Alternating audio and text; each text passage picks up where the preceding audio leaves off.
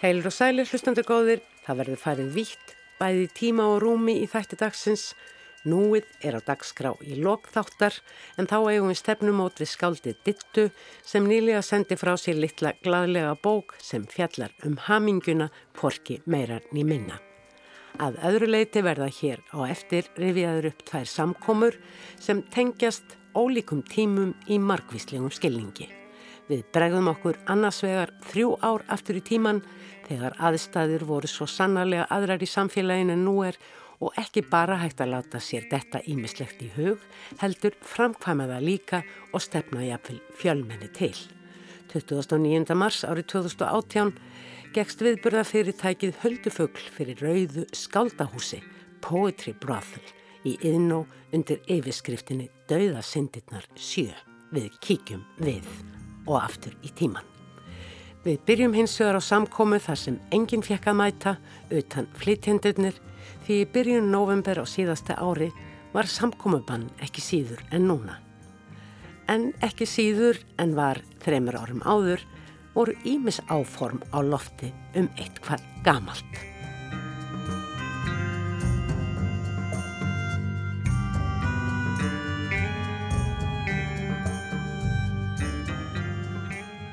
Í november á síðasta ári var endur útgáfun bókarinnar Látra Björg fagnað en þá bók skráði Helgi Jónsson á samt hveðska Bjarkar Einarstóttur og kom hún fyrst út árið 1949. Herman Stefánsson Rittöfundur rittstýrði endur útgáfunni og í hinnu fámenna útgáfuhófi hváðu þær Ragnhildur Ólafsdóttir og Kristín Lárusdóttir nokkrar af vísum bjargar, aðalstegn Eithórsson fór með galdur og kvartett úr barokkhópnum Reykjavík Barokk flutti Largo Kaplan úr strengja kvartett Magdalínu Lombardini Símen sem var samtíma kona bjargar söður á Ítalju. Grípum hér niður í dagskrána í einni af fjölmörgum vísum bjargar um veður og sjó við Látrabjarg.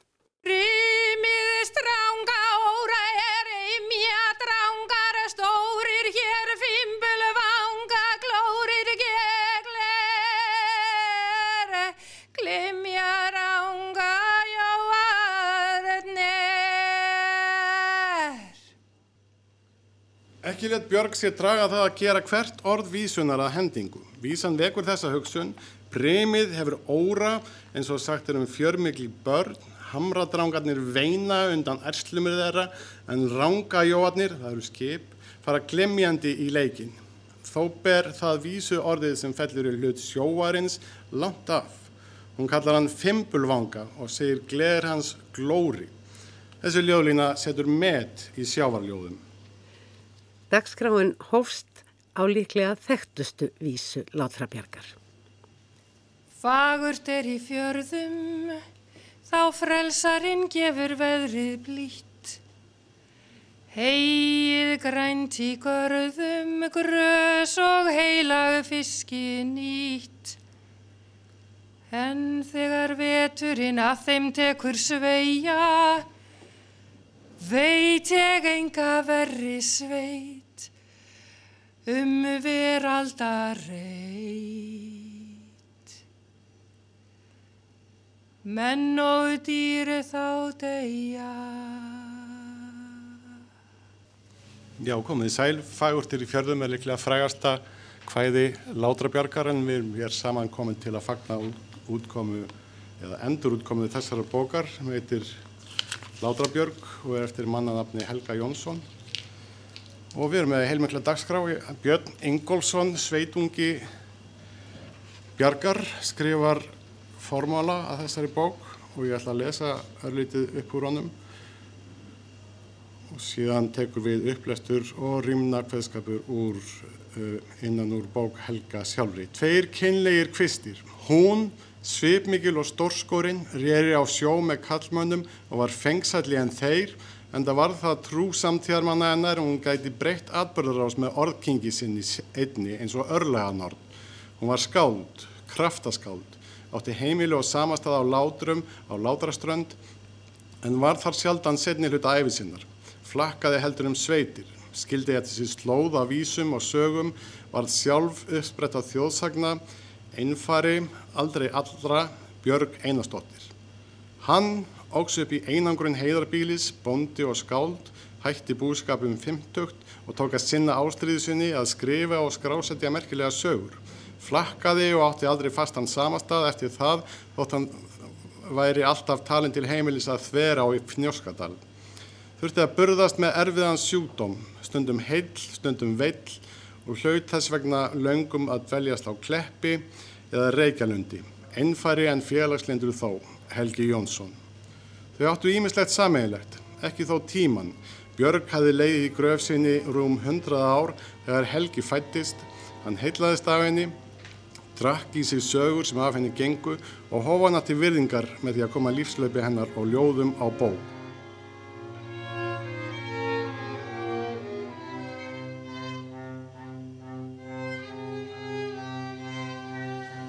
Það er stundum talað um Björgu sem alþýðuskáld. Ég veit ekki hversu það stendst. Hún er ansi mentuð, hún er af síslumönnum og prestum í alla rættir.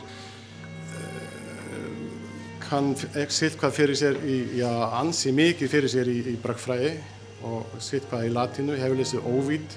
Það eru fleiri svona konur á hennar tíma uppi í öðrum löndum og, og þessi tími hefur sín engjani sem kannski e, eru eiga sitt hvað sameiginlegt.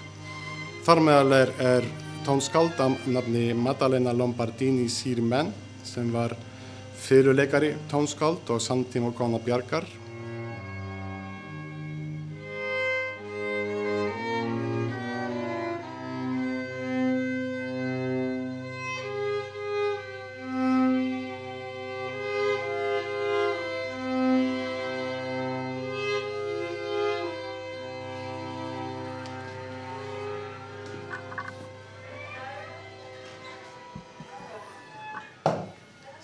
Sælverstu sveitarljúlingur, mauramilkingur, málagæflingur. Ég orsakast með einu orði að ávarpa þín velforstönduheit í hjáverkum. Engum þar mér datt í drauma, þú dræpir ei forgefinstillingana. Maður forsjáll í byrtunni, fengisæll í húminu, en myndu nokkuð gámgjarn og síru sólgin. Sveið því sem ungu er nýtt. Hvers vegna fóstu út í það að endur útgefa bók Helga Jónssonar Herman Stefánsson? Já, einfallega vegna þess að hún hafi mjög lengi verið ófáanleg og, og, og eftirsótt af, af aðdátur Látarbergar og er í senn æfisaga hennar, heldar ljóðasapn og skýringar sem, sem kannski veitir ekki af í, af, í sömum vísvonum af því að já, orðin geta verið torskilin og myndirna tors, torskildar og, og að, það geta verið aðstæður stundum, þetta er svona hveðskapur sem er ekki kannski hægt að, stundum er tækifæris hveðskapur sem er ekki hægt að skilja á þess að tekja aðstæður. Þetta er, hún er náttúrulega já, ekki rýmna manniska en, en hún er eh, við kannski lifum við, við þá sögu sín núna, við lifum einhvern veginn við sögu sín uh, atomskaldana sem, eða sjálfsmynd terra sem, sem sögulega staðrind hér var allt í volli og allt bara hérna, forpokað og, og bundið í rím og stöðla þá komum við og björg, björguðum allir og þetta er svolítið kent í skólum meðan, meðan veist, það er ekkert það eftir því sem meiri fjarða tími líður frá þá getur maður séð að, að ekki bara vor, eru frábær hefum við frábær skáld fórstíðinni, heldur lifir þessi hefð ennþá og það, og það er ekki það mikil íþrótt að, að læra stöðla á höfustæfi það get ekki hvaða skáld sem er um, lært það bara.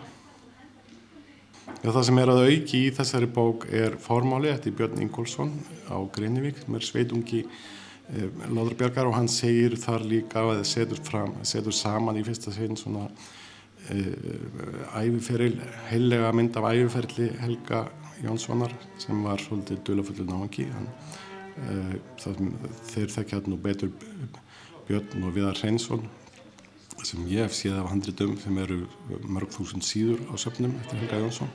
Skáldsögur, leikrit, þættir ímislegt, það sem ég hef séð af æfaðans er hann afgreðir árið 1946 með orðanum dáganga í Reykjavík. Hann átti við andlegu veikindi að stríða og sem kannski skýrir akkur kom ekki meir út eftir hann. Og það sem er að auki í þessari bók er er viðauki með orðaskýringum þess að þar fyrst verða orðin flókin sem er þjófavarnargaldur sem fannst á látrum og, og síðari tíma fræðmenn eða nýlega bara uh, þykir líklegt að sé ekki eftir Þorlag Þóruðinsson eins og áður var, var álitið heldur eftir Látraburgu eða þetta er, þetta er mjög merkjaður texti. Sértu maður, sjáðu mig, sértu læs, aðgáðu mig, sértu frómur, segðu mig, sértu þjófur, eigðu mig. Ég er fókin upp til háls, engum þó í hendi frjáls, utan lundi linna báls, sem lýsir mér án dilgjutáls.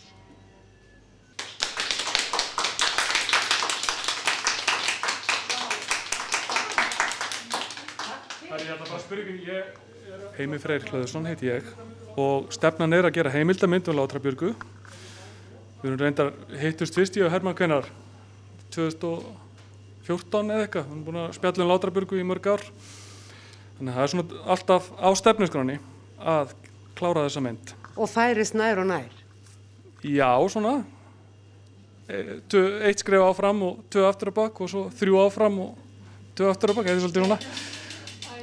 Ég segi bara áfram veginn. Já, takk. En það er svona stefnan að kannski að gera teiknum með debel. Það er svona, við veitum ekki alveg.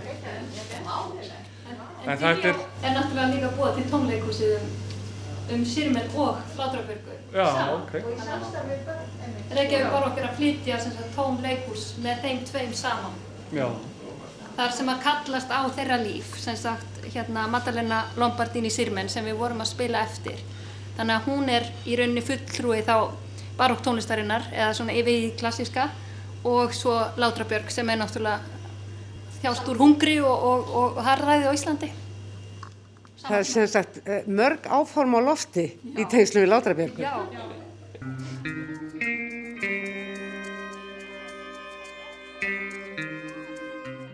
Rauða skaldahúsið opnaði eins og auðlist hafi verið á skýrdag þess herrans árs 2018 klukkan 8.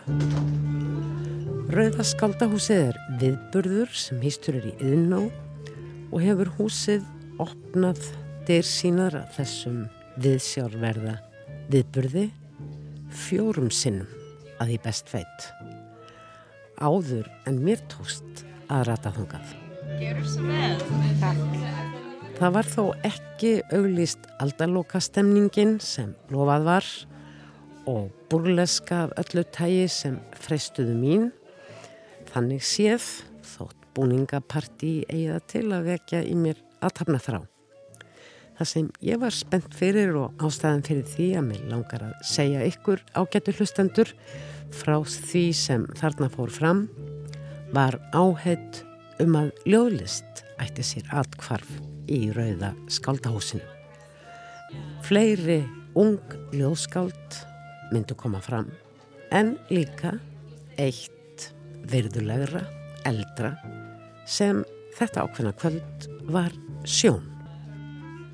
Það var nokkur örtröði andirinu margir í búningum til að auka á áðurnemda aldalokastemningu, léttleikan og döluðuna sem við gerðnan ímyndum okkur að hafi ennkjent svo kallaða Salona í París og í fleiri stórborgum álfunar og eiga rættur sínar að rekja allt eftir á 17. öld. Þetta voru samkommustafir til að skiptast á hugmyndum, sína sig og sjá aðra án þess að skeita um það regluverk og stjætskiptingu sem samfélagið almennt krafðist. Síðan hefur hver öld átt sína gerð af salónum þar sem heimsbyggi, bókmentir, listir hafa myndað einhvers konar kjarnar þeirrar yfirlýstu ástæði til að koma saman með óformlegum hætti sína sér frjálslindi og opna faðminn fyrir öllu nýju, ungu, óþektu en líka kannski óþekku Þótt margir var í tilrandi búningum var engin litin hortnöða í sínum venjulegu fötum heldur tekið opnum örmum og bóðist til að taka af viðkomandi. Er þú í fatageimslunni? Kurtesi í fyrirrúmi. You're the garderobier. Yes, I'm, I'm, I'm everything. Jú, Klútóni, eins og þessi glæsilega stúlka segist heita, viðurkennir að taka af gestum yfirhafnir.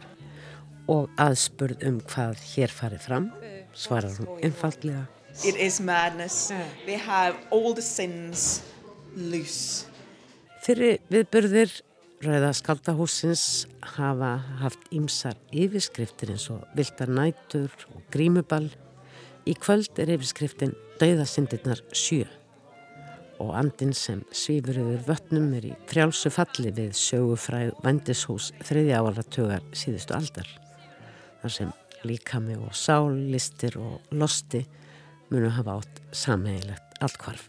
It is a 1920s uh, poetry brothel. Hér er margs að vænta og Jessica, ég they're ekki eftirnafninu, upplýsir um with búrlesk atriði og húsbandið góða að óglemdum reading ljóðarlestrinu sem framfer á sviðinu en einnig er hægt að kaupa sér enga ljóðarlestur eins skálds á 750 krónur eða jafnvel þrjár slíkar enga upp á komur í kippu á 2000 krónur. Like. Á borðinum liggja frammi ljóðskáldalistar, líkt og vinlistar til þess að velja úr. En fyrst og fremst eru gestir hinga komnir til að skemmta sér. That's the purpose, isn't it? Anything you go to, you want to have fun, and that includes the cast and crew. Gunnar Helgason. Já. Ertu að taka viðtal? Ég bara spyr, hver, við hverju ert þú að búast þér í kvöld? Ég bara hef ekki hugmynd. Ég er alveg lost. Ég sé að ég er bara vittlust klættur fyrir þetta. Við vantar grímuna. Já, það er allir svo fínir og svolítið svona gamaldags, svona nett, þema, grímu, eitthvað. Þannig að ég er bara pínu hrættur en pínu spenntur, sko. Eins og hlustendur auglust skinja þá dreif að mikinn fjölda fólks til að kynnast töfrum rauða skaldahúsins. Þar á meðal ljóðskáldið Jón Örd Lónfjörð. Ert þú búin að vera með í þessum hópi sem hefur verið svona undirbúið þetta síðustu þrjár, fjóra vikur? Nei, ég mæti bara að lesa upp. Ég veit ekki meira í rauninni. Þetta er í þriðja sín sem ég kem og ég er alltaf að pissa og alltaf að blost. Hefur þú semst reynslu af enga ljóðalestri? Já, þetta er alveg með því að úfærast sem ég geri af því að þegar ég les på sviði þá get ég flúið strax en núna spyr fólk mig út í ljóðin og ásaka mig um sumt sem ég skrifa sem er mjög óþægilegt oft. Hefur þetta haft einhver áhrif á, á ljóðagerðina? Hefur orrt um þetta? Þessa, Úff, nei, bara ég er í ennþá ómiklu áfalli en eflaust setna. Ég er frálæn Hælig frá Vínarborg. Ég mun lesa ljóð hér í kvöld. ég gæti þess vegna að panta þig í enga ljóðalestur. Ég tek þau upp á loft. Þú ert hér með uh, mikinn sauð um herðar þér. Nei, nei, þetta er, þetta er bara hárein sko. Eh, Má ég fyrst spyrja nafni, ég er nefnilega frá virðulegur útvarstuð sem heitir Rás 1, Ríkisútvarpið Sæðan blessu. Ég heiti Úlfur. Úlfur Fenrir Lóusson. og uh, hvert er þitt hlutverk hér í kvöld eða allar að láta kilfu ráða kasti? Ég er meira í það að lesa ljóðin en að stökkva á eitthvað en ef eitthvað býst þá hoppa ég til. Er, er þetta hópur sem að hérna hefur verið að störfum einhver tíma eða er þetta Uh, bara mjög spontant?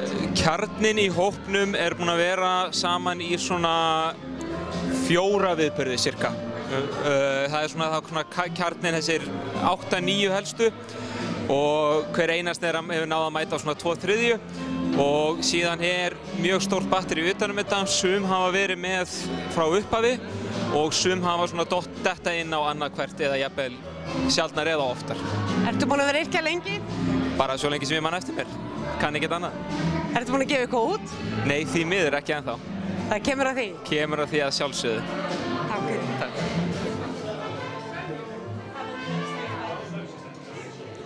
Brynildur Björnsdóttir, ert þú komin hingað á ball? Ég er komin hingað í Rauða skaldahúsið á ball og sitt hvað fleira. Ætlar þú að bjóða upp á enga ljóðalestur í kvöld? Í kvöld ætla ég ekki að bjóða upp á neina sérstakar engasýningar. Ég hef verið hér með enga söng. Komdu aðeins fram.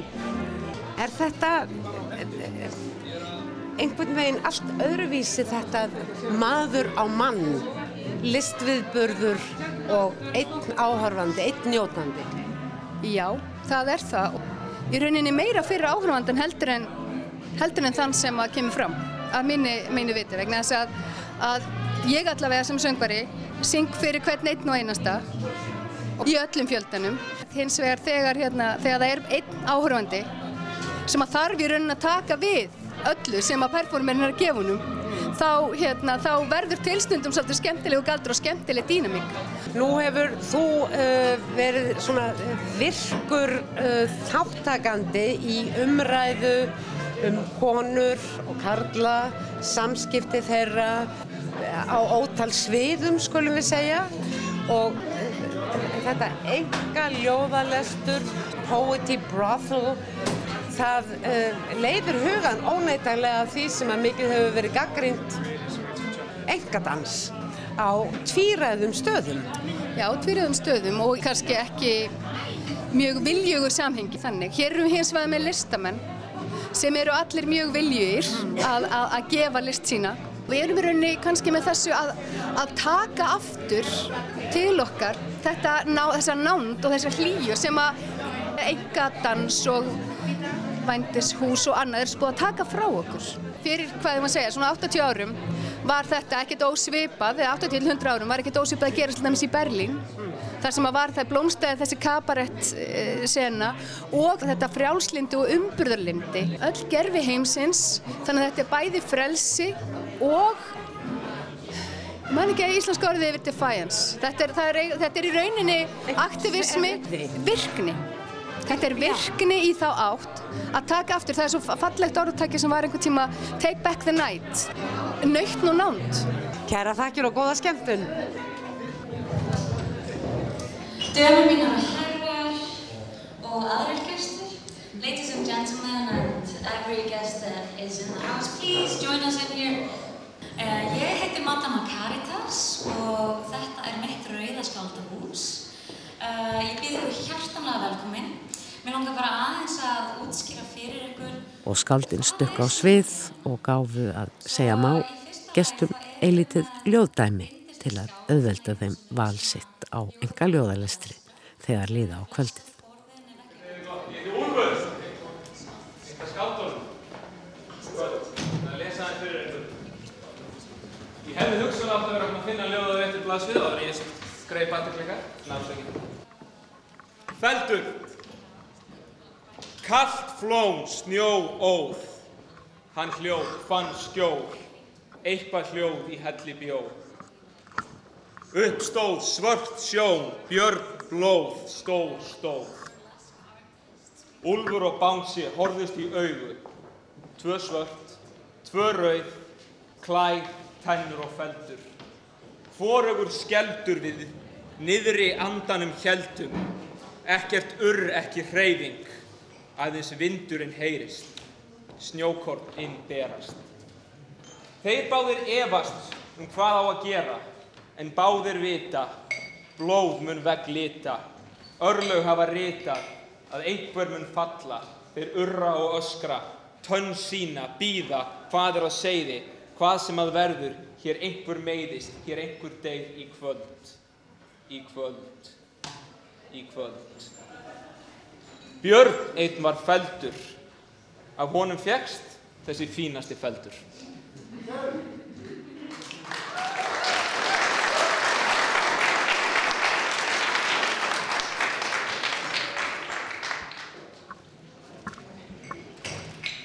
Andartak. Í kvöld verður drukkið og sungið, hoppað og dansað. Í nótt verður trúnó og kossar, svitnað og skoppað. Á morgum verður setni tíma vandamál. Takk.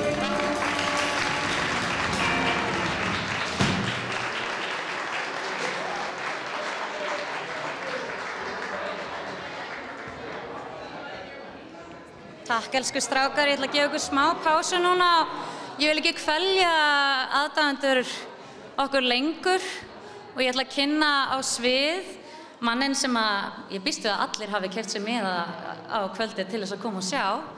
Það er engin annar heldur en Sjón.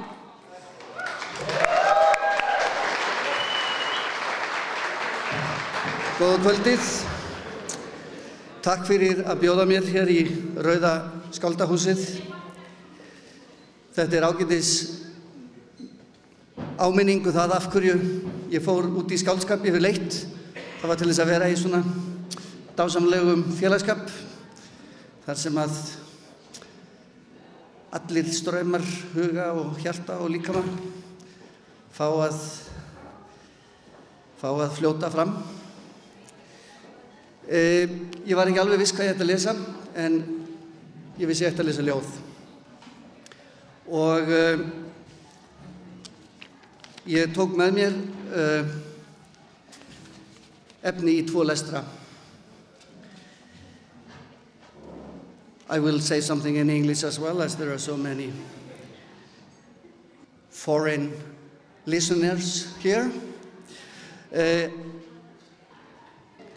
ég byrjaði að lesa hér ljóð úr bók sem kom út 1982, bók sem heitir Reðhjól blindamannsins.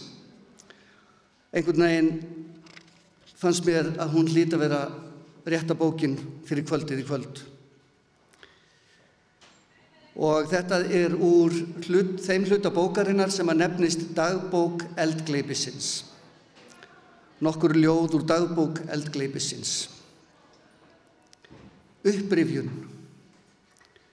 Dagar eins og kvikar eðlur, eins og þögul vasklös og örlítill stormur í hökunni. Dagar eins og hreistraður þráður í rauðu efni í kjól fyrir skilnaðarstund, eins og skæri eða fallandi svölur. Dagar eins og hljómfagur skuggi á vegg yfir heitum vatnafiskum handa konum í aftökuleit. Dagar sem rifjast upp eftir góðan hnerra. Sjálfsmynd eitt. Sjö fingur á kistuloki, tennur grafnar á afviknum stað, fugglsvængir neldir á liðamót. Ég tel augnhár mín í herberginu sem þú fættist í, ekki hefnaðinn. Um gullgerðarmannin. Hann situr í gömlu sjúkrarúmi og rekur upp saumana í náttfötunum. Engver hefur stráði verið hann kveiti svo nú líkist hann mölflugu. Höfuðið nemur við veggin, á enninu er kvikmynd sínd hægt, ljóshærð kona með druknar varir syngur hljóðlaust.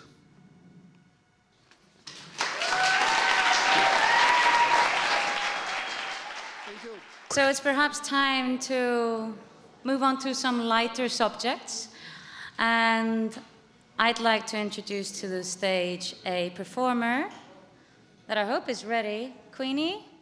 Queenie reyndist meira fyrir augað en eirun og ég grýp því gestgjafan Madame Caritas. Mér langaði nú bara aðalega til að spyrja þig hvernig þetta allt saman hófst. Takk fyrir kvöldið, þetta búið að vera ofsalega gaman. Já, takk fyrir að segja það. Þetta hófst reyninni með því að eitt af skaldunum okkar, hún Meg Matís, sem kemur í kvöld framöndu nafninu Nastasja Filipovna, hún hefur verið um, þáttangandi í viðlika viðbörðum í New York og hún sem sagt kemur hér til lands og er þýðandi, er að þýða íslensk ljóður og vera ennsku og saknaði þess að vera með svona viðbörði á Íslandi og bar þetta undir mig og mér fannst þetta bara æðislega hugmynd. En hvaðan kemur, kemur þú?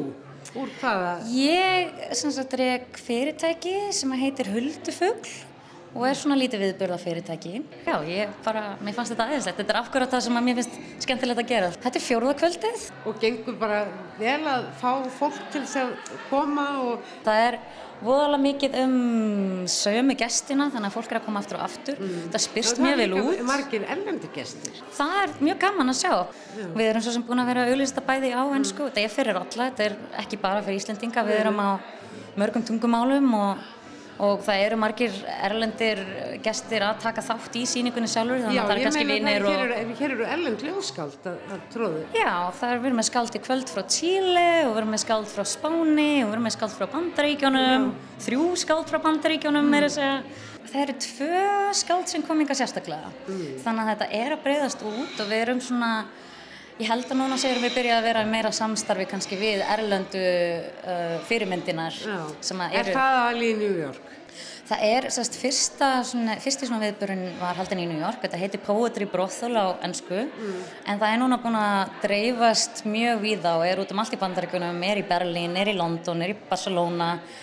Þetta er bara alþjóðlegt uh, raukt skáldahús. Já, alþjóðskáldahús. mér langar bara því meira samstarfi sem við getum verið í, því betra og við getum kannski sendt þá íslensk skáld til þess að fara erlendis líka og taka þátt í viðleika viðbjörnum þar og það er mjög spennandi að vera, erum mjög mikið upprennandi skáldum hér sem að fólk þekkir kannski ekki til og svo sjón líka sem að ég er mjög glöð að hafi skemmt sér vel í kvöld Takk að þið fyrir. Herri, takk að þið fyrir komin. Segðu mér fullt nafn. Uh, Nanna Gunnars, en í kvöld er ég Madame Caritas.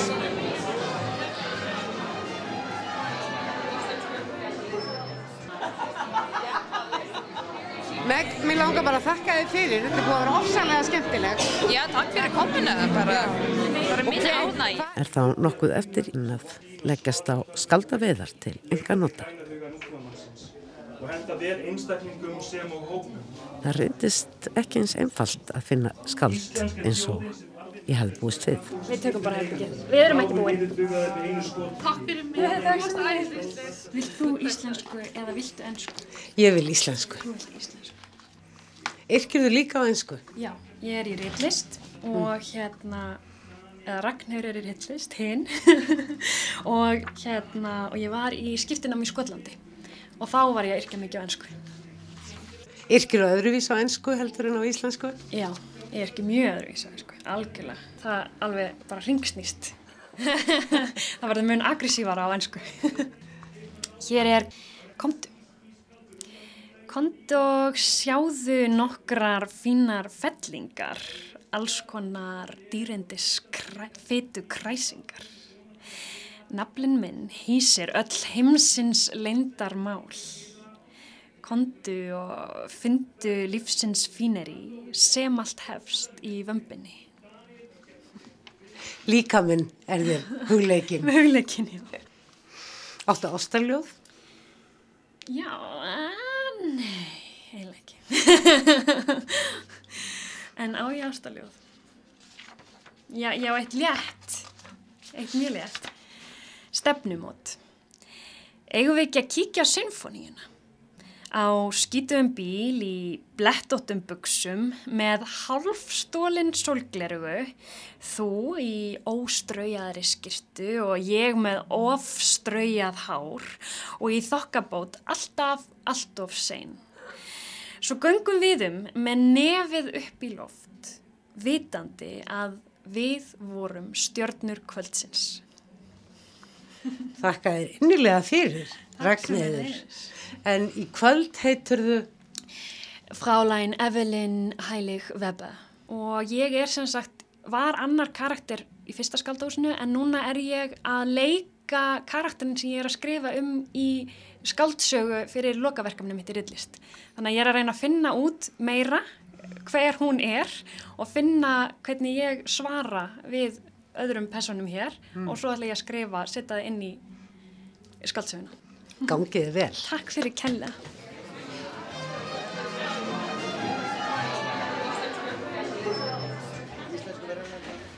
Og erstu búin að vera fleiri skáld? Já, já, já. Fullt af skáldum. Hefur þú tekið þátt í þessu áður?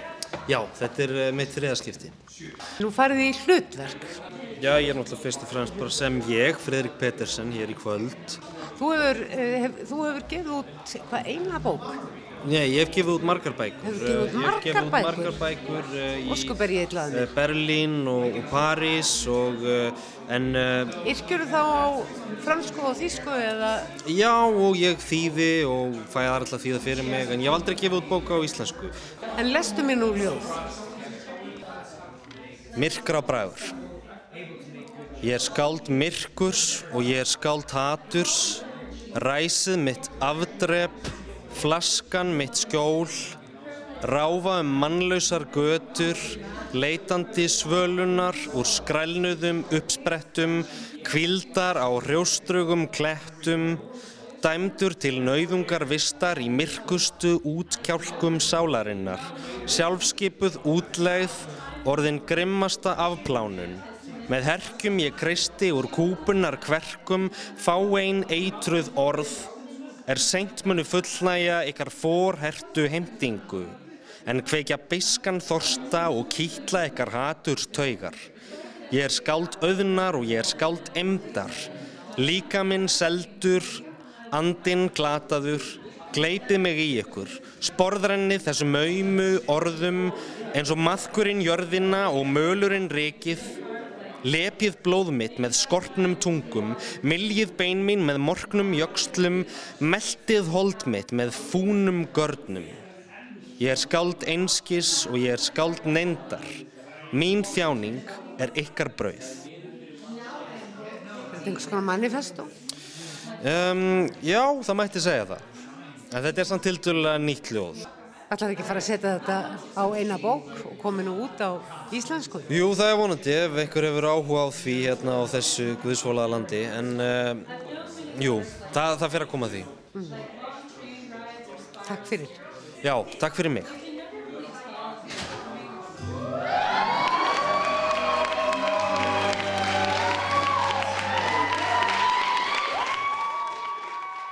Æfintýrin í Rauða skaldahúsinu hafa uglust haldið áfram langt fram á nótt. Niðurstaða þáttarins orðin bækur er að ljóð finnist víðar enn í bókum.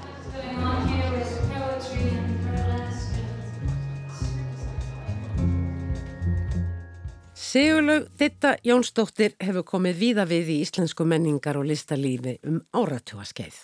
Hún fættist á Selfossi, fluttist síðan til höfuborgarinnar og mentaðist upphafli í tösku og veskagerði virtan handverksskóla í London.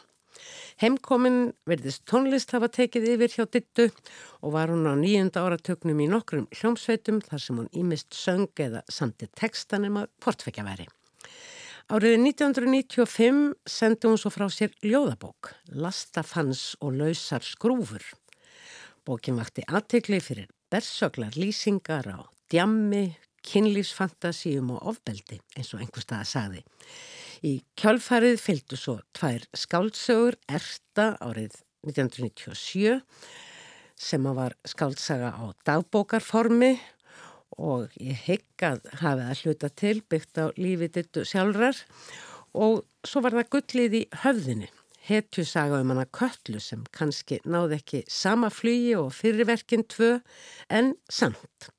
Eftir útkomið þessara tvekja skáldsagna var fremur hljótt um dittu um einhverja hríðunegna. Spörð og kúpu gerði útvastþætti um sjálfsvig og geðveiki í Hollywood til að mynda og einnig um Bítlana, jafnvel um Elvis Presley. Svo átt hún sér kveikmyndaferil, ekki þremur kveikmyndum franska leikstjóran Solveigar Ansbach, Scrap Boot, Queen of Montreux og The Together Project og eru held í handritin eða sögurnar í öllum þessum myndum að einhverju leiti eftir dittu og sömur jafnvel byggður á lífi hennar sjálfrar eins og skrapp út sem fjallar jú um ævintýri íslensku hassreikjandi móðurinnar og skálkonunar sem heitir Anna. Alltaf inn á milli samtitt þetta svo texta fyrir Ímus Bönd að syngja og þannig var hún einhvern veginn alltaf sínileg svona á sjónfing menningarlífsins og alltaf kannski frekar út á jæðrinum. Það vakti svo mikla aðtegli og ég var sjálf viðstödd þegar að þetta kom fram á megasartónleikum Möggustínu fyrir tveimur árum eða svo. Og svo ekki síður þegar þú söngst í sjómarpinu þetta í söfnaþætti S.A.A. lag dagsins til hvers er ég ef ekki til þess að saman getum við gert hvað sem er. Mjög skemmtilegt lag. En sem sagt, uh, nú er komin út eftir því bók, Sigurlega þetta. Já. Loksins aftur. Já. Og það sem meira er, þetta er bók sem heitir því einfaldanabni Hamingja. Hvað kemur til? Þú hefur nú freka verið þekkt fyrir svona heið kalthamraða og, Já, og hráa. Það er kannski það sem ég hef skrifað en eða sem sagt má tólka þannig en, en hérna en þeir sem þekka mig vita að ég er voðalegu kærleiksbánsi sko undir kannski svona, svona töffaranum sko. En Hamingja er bók sem að varð til vegna þess að hún Alma Mjöll hjá stundinni bað mig um að skrifa einhvern þúsund orðum hamingjuna Og, Einmitt, ég sá einmitt Já, þessa greini í já, stundinni. Já, og ég bara romsaði þessu upp úr mér svona aðalega til að gera henni til hæfis og hérna bara losna við þetta, losna við þetta verkefni. En síðan grýpur hún Guðrún, ljósmaður, Sig, Sigfús í forlæginu, grýpur þetta og vill gera bók og ég þekka ekki marga sem segja nei við Guðrúnu. Ég, ég vunni með henn áður, hún hefur verið rittstjóra minn og öllum mínum bókum og þó mér finnst ágætt að vera alltaf að efast um eða þá gerur hún það ekki, hún, hún veit sjálf hvað hún vil gera og hún vildi gera þetta. Þannig að ég bætti einhverju við en... en Og tekur líka eitthvað út, sínist Já, mér. og tekur líka eitthvað út og, uh, og... Velur. Já, hún, gerð, hún hjálpaði mér svona að snirta þetta. En það var ekki þetta sem að mér dætt í hug en, en svo er, maður, er ég líka svona að mér finnst gaman og gott að vera með fólki það hvetur mig og öðrar mér því að þá get ég slögt á þessum rytt skoðara og uh, gaggrinanda í hausnum á mér, ég er með svona einn mjög grimman sem að ég fóstraði svolítið og vel og þess vegna ákvæði bara láta leiða mig, láta þau leiða mig og, og, og, og ég er ennþá með hana guðrunu í klappleginu sko.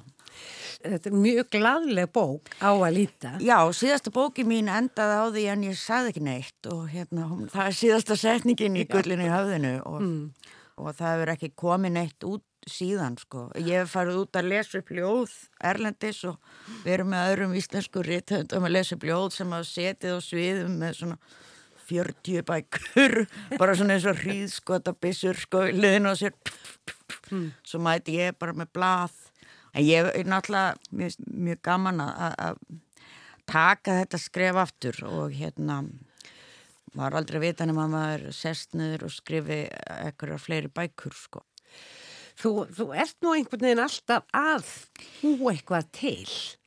Já, svona... Ég meina, þú ert að skrifa alls konar texta. Já, já. Maður, þýða- ég var eiginlega að hissa þegar ég fór að skoða sk- Já. hvað það kemur margt upp og hvað þú hefur komið víða við eins og ég kom inn á já, hérna já, áðan. já, já. Já, og svo, já, ég ræk eftir, tók eftir og, og glemdi myndinni Stormviðri sem ég leki í með hjá henni Sólveigu. Það var fyrsta Er- bíómyndin. Já, Mynd sem að mér held, ég held alltaf að Sólveig hefði lesið gullið í höfðinu af því að karakterinn minn í Stormviðri var mállaus. En hins vegar kom það mér ofsalega vel að því að það töluði allir frönsku. Ég tala ekki frönsku. Þannig að þú gæst leikið Ég, en þurftir já, ekki að ég segja þurfti að vera lóa frá Vestmannöfum og, Mm. hérna, og, og það, allir, það eiga allir íslendingar í sér eina lóu frá Vestmannöfum. Sko. Mm. En svo er ég að fara að leika aftur í, í, fyrir sko rúsnenskan leikstjóra sem heitir Dinara Durkarofa Ok. og hún er búin að búa í 20 ári Fraklandi og er að fara að gera bíó hérna á Íslandi í sumar. Það er eitt annað. Eftir mjög spennandi bók sem að hérna heitir á frönsku Le Grand Marine eða hefur verið þýtt á ennsku sem Woman at Sea og er eftir franska rithönd sem hefur verið unnið fiski hér á grundafyrði sko þannig að það eru tengingar út Það um tengingar út um allt og alveg. franski alls staðar. íslenska félagið þannig að ég fæ að vera í, í, í, svona lítið hlutverk þar Uh, Alessandra Búl er, er hérna skrifið fyrir hönnun bókarinnar á hún teikningarnar líka eða átt þú þær? Nei, teikningarnar, ég held að þetta sé samt eitthvað að allar teikningarnar í bókinni séu eitthvað, eitthvað forrið sko. Ég, ég þór ekki að ljúa neinu um það en Alexandra sér um þetta. Þetta er svona flettibók fremur, þetta er ekki meira, þetta er svona... Þetta er svona closetbók, Já, já, já. bók til að uh, Já. koma með í bóðið í staðan Já. fyrir blómvöndin Já, eða eitthvað já, þýðilegt. nákvæmlega. Alls konar. Já, og þetta er svona bók sem að hægt er að- gefa á sæng. Já, Já, akkurat. En þetta er ekki beint svona, þetta er ekki skáldskapur og þetta er ekkert eins og kannski í líkingu við bækur, við aðra bækur sem ég hef skrifað. Nei. Ef einhverju ætlar að fara að leita að því þá er Þetta það ekki þar að finna. gerólíkt, Já, já. gerólíkt. Og- Við skulum kannski gefa smá hérna dæmi. Ok. Þetta eru bara mjög góð heilræði sem að allir geta tekið til sín. Já. Hamingja er fortíð. Hamingja er leikur. Hamingja er svar. Hamingja er friður. Hamingja er ást. Hamingja er fagnaður. Hamingja er kvítvóðungur. Hamingja er handtak. Hamingja er fingur. Hamingja er glatt fólk. Og þannig mætti áfram halda. Hamingja er sólbað, mann ég eftir á einum stað Já. og ímislegt fleira. En mér fannst eh, svolítið tákgrænt, þú eh, fórst í viðtal árið 2016 við hann Kristján Guðjónsson á dagblæðinu Já. og hann er nú að vinna hérna líka en þar segir þau þegar að líkamann er farin að skrifa ljóðin sem hann þarf til að reysa sig við þá gef ég út. Það er fimm ár síðan þú sagðir þetta. Já. Ég ger nú kannski ekki ráð fyrir en líkamann, eh, var hann farin að láta á sér kræla? Já, já, já, ég hef að vísu gefið út ljóð, fekk að gefa, byrta ljóð í skýrni Mhm. síðust ári, þannig að þar eru, ég var beðinum af honum heimi í Hólavallagarði að lesa upp á menningarnót einhver tíman fyrir hvað teimur árum og þá einmitt byrjaði ég ákvæði að, að taka skrefið og, og hérna las upp þessi ljóð sem ég síðan byrti í skýrni Mm. og svo núna er, er ég náttúrulega komin með hana Guðrúnu á kantinn að- svona kontu með, kontu með og, Já, hún er farin að hvetja þig. Já, og þá, það er, já, og hérna hún er að, ég get ekki hverta við því að hafa ekki fólk að klappa fyrir mér, sko, það er Mm. endalust verið að íta við mér og En hvernig byrjar þau að skrifa? Þú ert í handverki til að byrja með sem ung manneska. Já. En ég menna, ok, maður lærir ímislegt og svo fer maður inn á allt aðra braut síðar. Það er ekkert óvinnilegt. En skriftur er nú svolítið sértækt. Sko, ég er ekki, uh, er ekki þessi sem að manneska sem situr við eins og, og, og margir sem ég beði mikla virðingu fyrir þeim geta gert það. Ég er ekki þannig. Ég er manneskan sem að fer allt hennu að, að sko, hugsa eitthvað og eitthvað tekur yfir í hausnum á mér og ég þarf hleyp og þarf að finna penna og skrifa þetta niður. Síðan er ég með þessa byrjun kannski í svotin tíma eða þá það kemur allt í einu. Þannig að ég fæ svona, ég fæ svona ofbóð Þannig að þetta er á ýmsum tegundum af pappir og, og um- já, mínar- Ekkert endilega í einnum upp í tölvur Nei, því miður. Og hérna og ég er og til dæmis eins og þegar ég fekk svona uh, uh, var mjög slæm af af svona sjálfsónamis sjúkdómi og svona gikt og annað þú veist það gæti ekki setja í kjur ég gæti ekki nota tölfur, ég gæti ekki nota hendurnar. Og, uh, og þá er mitt svona reyndi ég fremur að- vera þá bara að- raula með vinnum mínum og æfa að syngja bara með eitthvað og spila, reyna, ég reyndi að æfa mig á gítar reyna að þjálfa hendurnar. En til dæmis það að sita og skrifa og í- fyrir mér, ég þarf að njóta þess. Ég þarf að hafa það á tilfinningunni að, að mér langi til þess að orða mínar hugsanir þannig að þær hafi mína mynd. Mm. Eh, En getur líka fært öðrum eitthvað, ekki satt? Já, þetta er bara eins og, þú veist, þetta er skipt- myndlist í hausnum á mér þá þetta sé orð.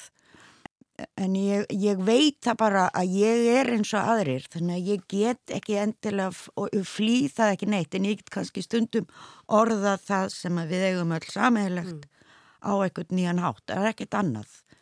Því ég upplifi mig vera mjög, ég, ég speikla mig mikið í öðrum, ég veist ég mjög, mjög líka öðrum, mjög alveg eins og allir aðrir eitthvað veginn. Að, En til dæmis allir þessi dagulega textar, frægastur nú er nú öruglega Reykjavík og Reykjavík. og, já, já, já. Verða þeir til í tengslu með músík eða er þetta ljóð sem að setna fá mú- músík? Uh, oftar en ekki verða þeir til áður en að músikinn kemur, sko. Mm. Og síðan skeit eins og, já, ég held að það verður alltaf verið þannig. Svona ljóð eins og, eins og, Ég einu sinni en eins og Reykjavík. Já, og Reykjavík og Reykjavík en til dæmis til hversi ég það var texti sem að ég var búin að vera uh, uh, sem sagt uh, þetta er svona ég er að neyja mig áttina að, að lægi og ljóði eftir Bob Dylan sem heitir What Good Am I Mm. og, og ég var búin að vera reyna að, að búa til eitthvað lag við þetta á gítarinn og eitthvað svo liðis en síðan kom Ryan vinnu minn, við vorum að vinna saman og þá baða mig um að hlusta á þetta lag hvort að ég ætti kannski texta og ég hlusta á lagi og segi já ég held ég eigi texta og, og þá Ah. tóku við þetta og þetta small þannig að það gerst og svo er ég við ræðan eitthvað að, að reyna að vinna áfram ég á einhverja texta sem að sem að við ætlum að reyna að gá, hvernig passa saman en það er svolítið sérstakt að vinna með honum að því að hann talar ekki íslensku en hann vil bara gera músík og texta á íslensku þannig að ég svona átta mig á því að, uh, að, að það sem að mér finnst að áherslutnar í orðanum eigi að vera svona á íslensku, hann tekur ekkert marka því. Hann heyri bara tónlistina og, og það er svona svolítið gaman að prófa það að vinna svona með öðrum. En þú talar um að eitthvað smelli, Já. ég hef svolítið á tilfinninguna að það sé svona svolítið vörðurnar í þínu lífi að þegar eitthvað smellur, já. Að þá stekkur þau og já, já. gerir Já, eða átt eitthvað. Já, eitthvað svoleiðis. Það er bara, mm, þetta er bara eins og líka að vinna á, á línunu í veitingahúsi, sko. Það bara, þegar þetta gengur vel, það gengur þetta vel og síðan er það búið. Svoleiðis er það. Þetta er bara eins og að gera bíómynd. Þú ert bara með á meðan það er að gerast og síðan er það bara búið. Og þá er bara eitthvað annað og... og Hlakkaru til að fara að leika í þessari bíómynd eða Já, aðalega bara af því að... að, að handritið er svo frábært? Handritið er mjög gott, skemmtilegt uh, og líka þetta er bara stutt, ger ráð fyrir að ég verði bara í einn dag, tvo daga en Dinara er mjög skemmtileg kona og gaman að kæfta við hana og, og hlusta á hennar svona hugar heim. Þetta er- Mm. Þetta er merkileg bók, Katrín skrifar söguheitin heit, hennar heiti Lili og, og Lili þessi yfirgefur allt í Fraklandi og fer til Kodiak í Alaska til þess að vera á skaki og fara á krabbaveibátt og, og svo endar hún á því að vera þar í tíu ár. Það er sannleikurinn og það gerði Katrín en Katrín hins vegar var á feiminn til að leika í bíómyndinni þess vegna er ég. Þetta er alltaf eitthvað og Já. mér ekki vænt Það að er alltaf eitthvað sem smellur. Alltaf eitthvað sem smellur og Katrín er ánæg með mig þessa mynd sem hún fann, fekk að mér og þá, þá er ég bara Katrín. En af því að það er svo dýrt fyrir oft, oft okkur Evrópu búa að fá að, að mynda og gera bíó í bandaríkjónum að þá sem sagt var ákveða að það væri bara hér í Ólasvík og Íslandi. Að því að myndin gerist mest út á sjó sem sagt. Mm. Þetta er svona mest þannig. En, Og svo er ekki að veita nema að eitthvað smelli hjá ykkur guðrunum. Já, já, já, svo er það það sko, það er alltaf, það er að, þeim, þau, þau hjón sko, hún og, og, og Jón, pa, Jón Pall eru alltaf voða góði vinni mínir og voða góð við mig, hafa alltaf Mm. verið. Og flest allir, allir sem ég þekki eru góði við mig. það er aðalega bara þegar ef að ég þurft að snúa mér undan og, og stíma í einhverja aðra áttir, það er hérna. Mér þykir líka mjög væntu það að fólk hefur, er ekkert, um, að því maður ánáttúrulega sjálfur að bera ábyrða sér og þannig er það bara og uh, maður ber líka ábyrð á því slæma sem maður gerir. Og er höfundur bóka sinna? Já, og svo verður maður að vera það alla æfina og, uh, og, og, og líka maður, þetta er bara, eru manns börn, alveg sama hvernig þau eru. Sigurlaug Ditta, kæra þakkir fyrir komuna og til hamingu með þessa handhægu hamingu. Æ, takk. Fleiri verða orðum bækur ekki að þessu sinni. Lítiða Gretastóttir annaði samsetningu þáttarins Takk fyrir að hlusta, verði sæl.